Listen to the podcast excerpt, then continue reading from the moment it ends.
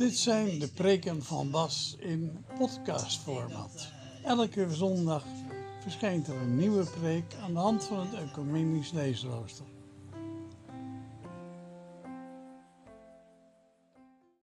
De eerste lezing komt uit Deuteronomium 8, de versen 1 tot en met 6.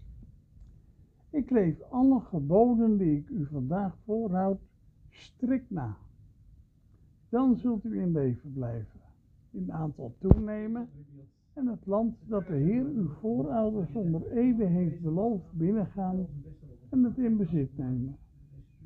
Denk aan de tocht die de Heer uw God u door de woestijn heeft laten maken.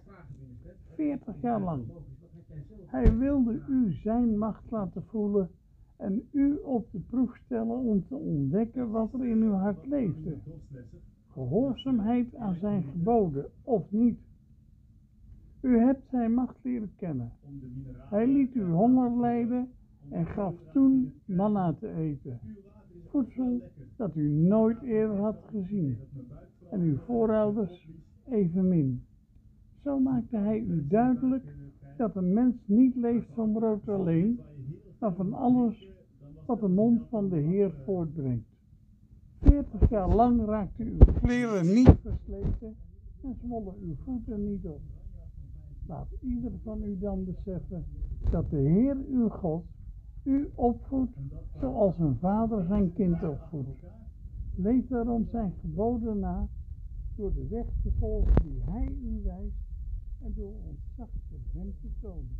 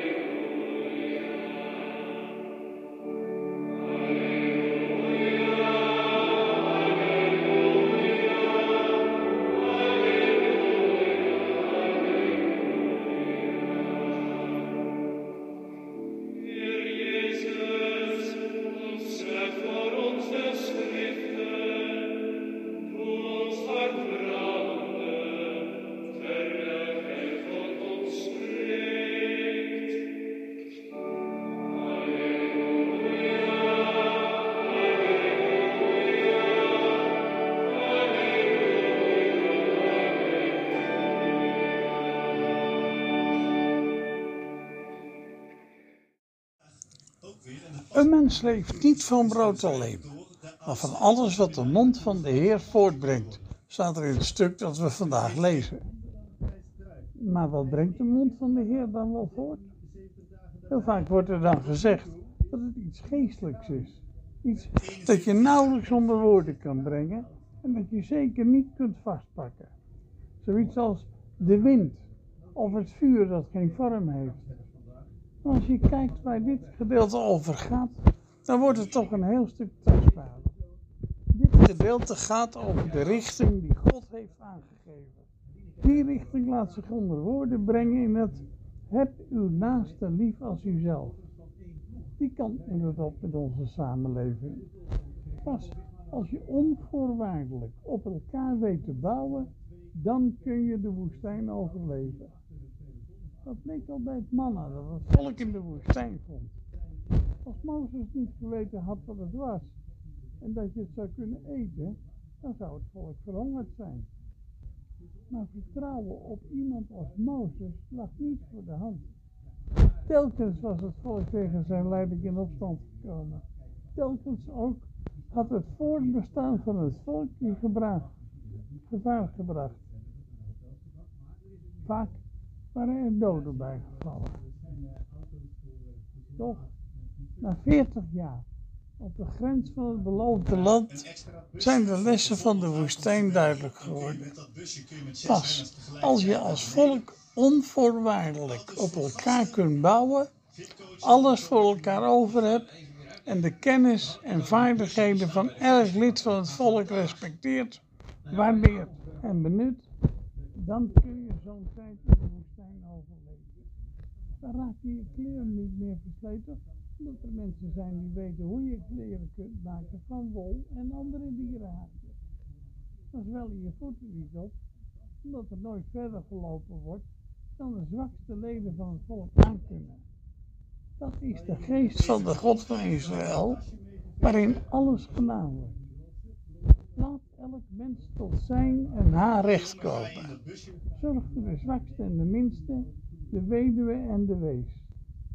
Dat maakt het volk Israël tot een voorbeeld, tot een licht voor alle volken. Maar nu staat het volk op de drempel van het beloofde land. Het land waarheen ze 40 jaar lang op weg waren geweest. Dat land was het land, van land overvloeiende van melk en honing. In dat land zou je verwachten dat iedereen zichzelf wel zou kunnen redden.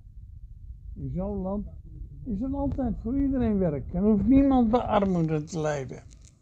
Dat hoor je ook zo vaak over ons land vertellen. Al die zorg door de samenleving maakt mensen alleen maar afhankelijk. Net zo afhankelijk als het volk Israël in de woestijn van het manna was geworden. Maar juist op de drempel van het beloofde land wordt het volk Israël nog eens de weg van de God van Israël ingeschreven. Juist in een land dat overvloeit van melk en honing, heb je de kracht nodig die ervan uitgaat, die er uitgaat van de weg van de God van Israël.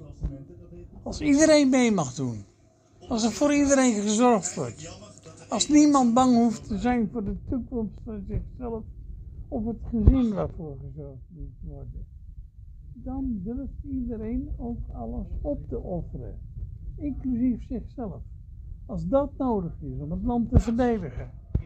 Angst zal de samenleving in het beloofde land aantasten. De neiging om alles zelf te gaan doen, om op je eentje oplossingen te vinden voor problemen, wakkert de angst alleen nog maar aan. Samenleven, samenwerken en samen delen is moeilijk. Bij ons is dan ook het samen delen maar achterwege gelaten, want ieder voor zich geeft de sterkste de beste kansen. En daar zou iedereen beter van moeten worden. Het boek Deuteronomium bestrijdt dat.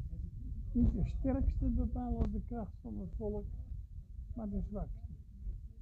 Dat als iedereen tot zijn of haar recht is gekomen, is er gerechtigheid geschied.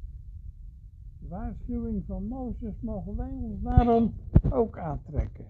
Zeker nu we nadenken over delen in de toekomst. Ook bij ons zijn de zwakste de maat voor goed of slecht. Blijf dus kijken naar hen. Blijf geloven in de weg van de God van Israël en blijf op weg naar de samenleving die ons door die God in het vooruitzicht is gesteld. Dat heeft alles met die pandemie te maken. Je weet wel, dat was vorig jaar ook zo. Vorig jaar waren journalisten eigenlijk niet.